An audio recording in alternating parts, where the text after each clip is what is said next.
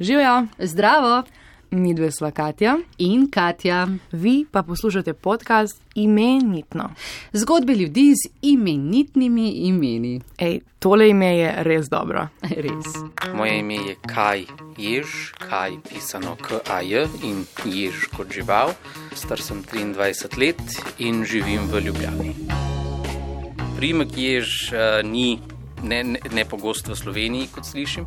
Kolikor smo uspeli izslediti družinsko preteklost, izvira izpod Nanosa, iz Vipave. Po besedah mojih staršev so želeli kratko in preprosto ime, nista jim bila všeč imeni Gaj in Maj, na kar so se od- odločili za ime Kaj. Do, dost kasneje so pogruntali, da lahko ime zaradi svoje oblike uh, privede do kakšne zagate. Pa kaj, človek mora vsega se privaditi.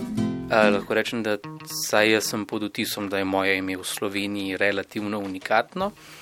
Še posebej glede na to, da je kaj tudi vprašalnica in potem to ne malo krat privede do zmede, ko nekdo nekoga drugega v ozadju vpraša kaj in potem jaz jasno v zmoti mislim, da kličejo mene ali pa ko se moram nekomu predstaviti in potem me vprašajo, kako ti je ime, odgovorim skaj in mislijo, da jih nisem dobro razumel. Uh, tudi ime samo uh, v celoti veliko pripe, pripelje do zmede. Naprimer, zgodil se je že, da uh, me je nekdo vprašal po imenu, na kar že, ko sem bil zelo majhen, povem celotno ime, da bi se izognil zmedi. Ampak uh, potem mi samo oseba povedala, da nič ne je, oziroma ko sem bil zelo majhen, je v uh, službi moje mame neka gospa odgovorila s čigumi. Ja, pride do večje zmede zaradi imena, ampak eh, občasno pride tudi prav. Ko sem kandidiral za določeno izvoljeno funkcijo v Sloveniji, je bil moj slogan, kaj je prava odločitev z vprašanjem in kaj je prava od- odločitev s klicajem.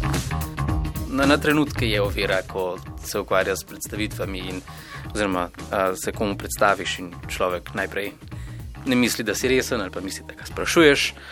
Pomagalo je pa v smislu, da je relativno težko pozabiti eh, na samo ime. Nobene resnično negativne izkušnje. Mogoče je bilo malce neprijetno, ko sem še obiskoval osnovno šolo in uh, sem bil malce bolj v krogu. Moji sošolci niso rabili veliko več kot moje polno ime, da so me lahko glede tega malce dražili, ampak za pričakovati ne bi rekel, da je to tako slabo spet znotraj družine in med bližnjimi prijatelji uporaba besede kaj ni tako moteča, ker je sam kontekst, v kateri je beseda uporabljena, pogosto dovolj drugačen, da ne zamešam uh, to za dejstvo, da bi me klicali po imenu. Določeni redki znanci me kličejo po priimku, ampak kljub zelo redni uporabi mojega imena kot vprašalnice s tem med uh, družino in bližnjimi prijatelji nikoli nisem imel velikih težav. Ježe kot živali imam kot družinski simbol načeloma zelo rad. Uh, svoj čas sem razmišljal, da bi si omislil ježa kot domačo žival in mu dal ime kaj, da bi lahko bila kaj jež in jež kaj, ampak uh, zaradi praktičnih zagad pri lastništvu ježa sem se potem o tem premislil. Uh, ime mi je načeloma všeč, nikoli nisem resno razmišljal o tem, da bi ga spremenil, kljub temu, da je to mogoče. Um, sem vesel, da je, kako bi temu v slovenščini rekel, catchy, oziroma da gre v uho in da je ga težko pozabiti. Po svoje sem hvaležen svojim staršem za morda ne najbolj premišljeno odločitev o imenu.